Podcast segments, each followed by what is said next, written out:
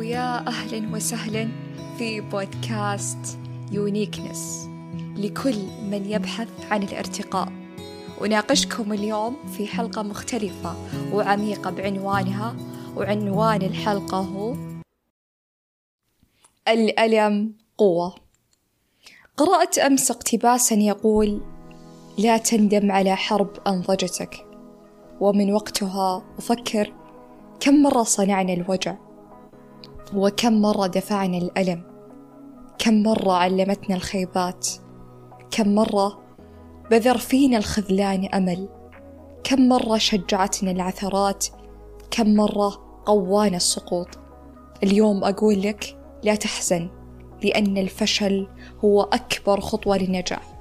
فعلا قد تصل لمرحلة من طول المسير بخطوات غير واضحة ووجهة غير مرسومة.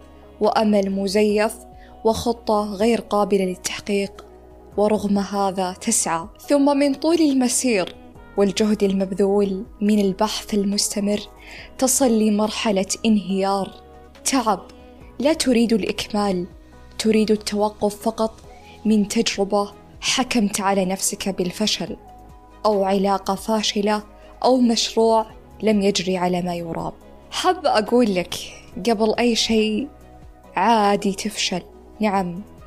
عادي تتحطم. عادي تجيك فترة انهار. أنت إنسان بالنهاية. تحتاج استراحة لترميم شتاتك ولإعادة بناء كيانك أو حلمك اللي قاعد تشوفه بعيونك. لكن انتبه. انتبه تستسلم وتضع حلمك وراء ظهرك لأن هذا في الحقيقة هو الفشل الحقيقي. البعض يعتقد بعض الأحلام تؤتى على طبق من ذهب أو جميع الأشخاص يولدون سعيدي الحظ يرون الحياة حياة وردية بدون صعاب أو مشاكل. ولكن هل سألنا أنفسنا السؤال الأهم ما هي رسالتك في هذه الحياة؟ اليوم أنت أين تريد وضع طاقتك؟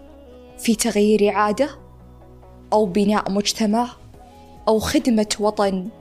أو صقل شخصية ضروري تعلم أن خسارتك في أمر لا يعني خسارتك بالكامل لكن تحتاج لتجربة جديدة لتحويل هذا الانهيار لطاقة أعلى وأقوى. لا يوجد شيء مستحيل مدام يوجد خطة واضحة وسعي بكل جد وتقييم مدى نجاح خطتك. الآن تسع استراتيجيات للتعامل مع الفشل وتحويله إلى نجاح. أول نقطة هو تقبل الفشل كأمر طبيعي.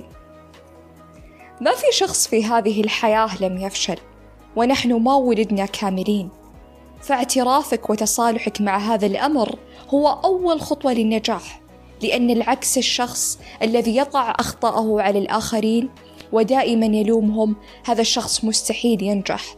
ما دام لم يعترف بأخطائه ويسعى لإصلاحها فالبعد عن الهوس في الكمال وأنه لازم كل شيء يكون حسب المزاج ونفس الذي رسمته. ومن هذه النقاط مثلا إذا أردت أن تبدأ في مشروع جديد حتى كبار الناجحين يوصون أنك تضع خطة بديلة أو plan B فلو ما صارت أو ما نجحت معك الخطة A يكون عندك بديل. وهذا أيضا يعلمك المرونة. ترى المرونة ليست فقط في الشخصية. المرونة أيضا في وضع الخطط والاستراتيجيات الصحيحة. في مسيرة الدكتور رحمة الله عليه والمعروف لا يعرف إبراهيم الفقي. طبعا هو دكتوراه في التنمية البشرية وقام بتأليف علم قوة الطاقة البشرية. لما بدأ كان في سن الخامسة والعشرين أتذكر أنه كان هاجر إلى كندا مع زوجته ليكمل دراسته وكان ما عنده مال أبدا. فبدأ بالع... بأي عمل يواجهه. في غسل الأطباق وكان حارس لأحد المطاعم وحمالا للكراسي في أحد الفنادق وكان كلما يبدأ بعمل يطرد منه. ومع ذلك لم يستسلم. حتى وصل إلى هذه المرتبة الرفيعة وفي إحدى المقابلات سئل كيف يمكن لشخص واحد مثله أن ينجز مثل ما أنجزه؟ وكان جوابه أن كل إنسان لديه استراتيجية محددة وأهم شيء هو التوكل على الله سبحانه بالإضافة إلى الأخلاق وأن يحدد الإنسان أهدافه ويعمل على تحقيقها. ثانيا اسمح لنفسك أن تحزن نعم. البعض يعتقد خصوصا ممكن الذكور أن البكاء يضعف الشخصية أو يقلل من قيمتك أو ما يصير تبكي. بالعكس من حقك. حتى أثبتت الدراسات أن البكاء يطلق هرمون الأندروفين يساعد لتخفيف الألم وتحسين المزاج ويعيد توازنك العاطفي.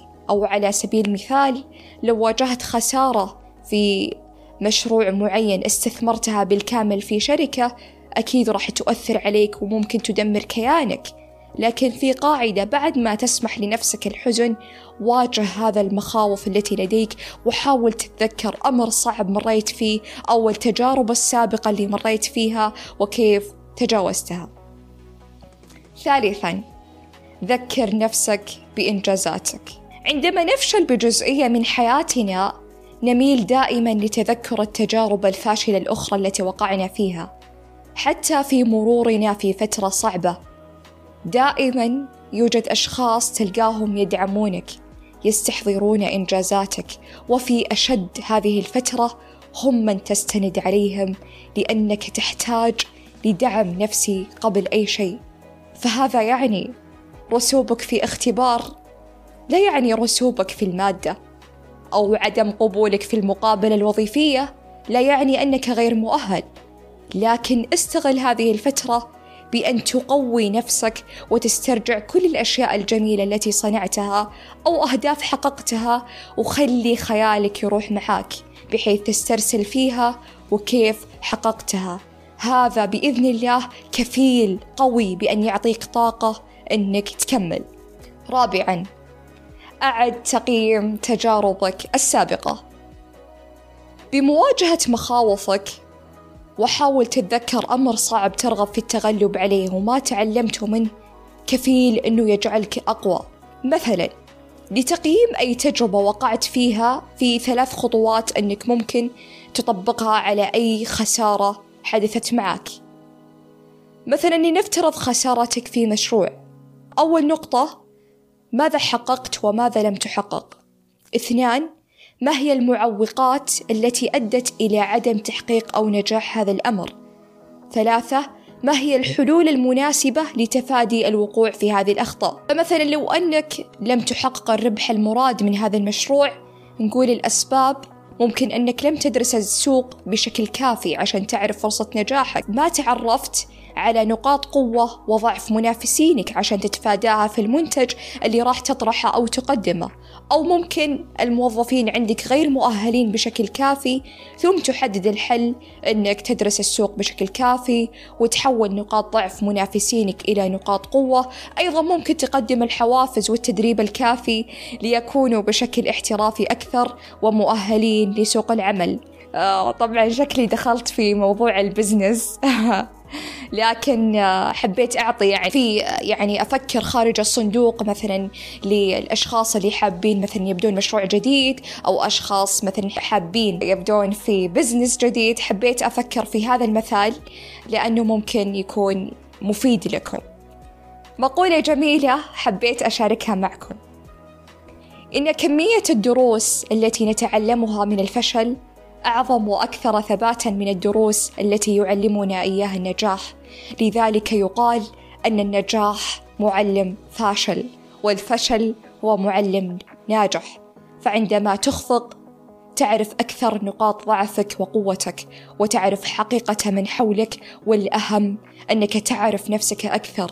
أحيانا بخسارتك لمعركة تتعلم ما يجعلك تفوز بالحرب.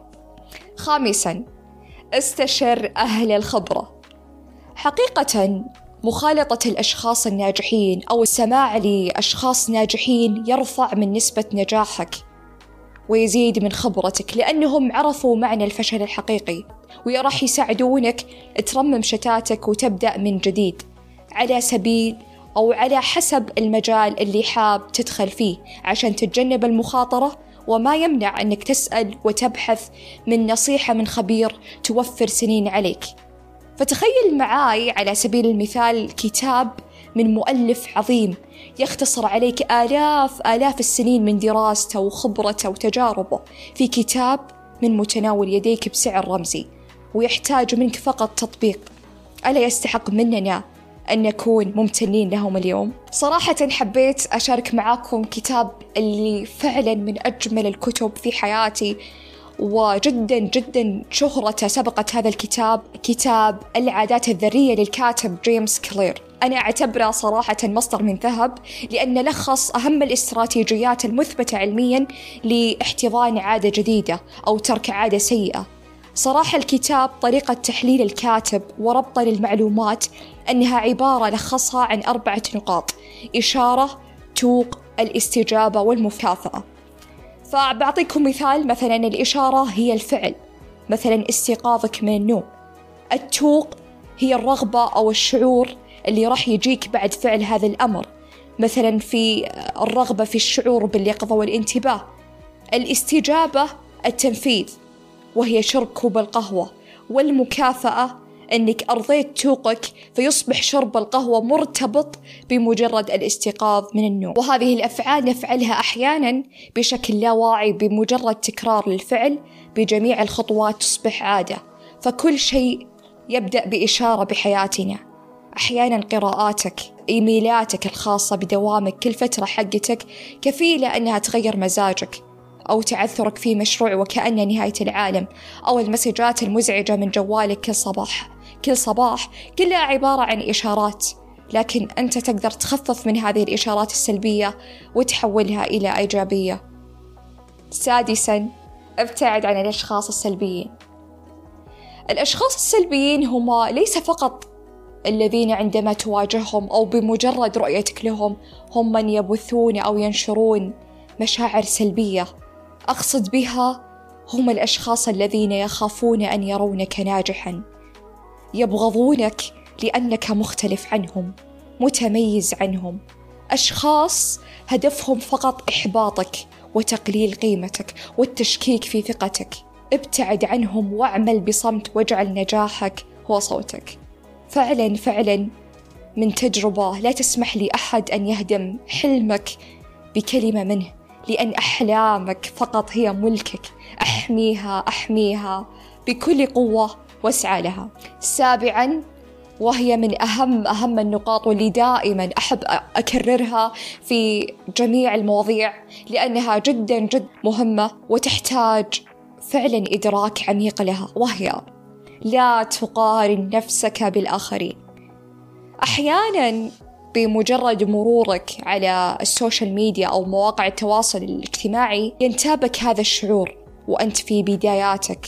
وشخص تروه في المستوى العاشر أعلى منك. أو مثلا أنت كموظف وتطمح لترقية لمدير وتظل تسعى جاهدا كل هذه السنين عشان ترقية لكن لم يتم ترقيتك. اليوم حابة أقول لك اعرف مستواك واعرف إن كل فترة لها مرحلتها. مستحيل توصل مستوى العاشر قبل المرور بجميع المستويات. مستحيل تنجح في مادة قبل أن تعدي جميع اختباراتها. مستحيل تكسر خوفك من أمر معين قبل أن تجرب مرات عديدة. فالسر يكمن في المحاولة. ركز دائما على نفسك وقارن نفسك بنفسك السابقة. تطورك واحد بالمئة يوميا. كفيل أنه يعتبر كاكتساب لمعلومة معينة كل يوم ممكن يؤهلك لمنصب أو مكانة جديدة لكن تحتاج تعطي نفسك وقت وتصبر لأن كل شخص مختلف وأنت بالتأكيد خلقك الله بمميزات فاستثمرها بدلا من التركيز على الآخرين. ثامنا انتقي معاركك. هذه المقولة ذكرها الدكتور خالد المنيف في أحد مقابلاته. من صراحة المقولات اللي أثرت فيني أنه لا تتخذ كل موقف حياة أو موت. يقصد فيها أن ليس بمعنى معركة بل هدف. فأعرف اليوم مسارك أعرف هدفك. وليه اخترت تسلك هذا المسار؟ وهل هو فعلا يناسبك؟ ويشبه لك. ليس كل شيء ترند أو هبة يظهر على مواقع التواصل الاجتماعي أو في هذا المجتمع.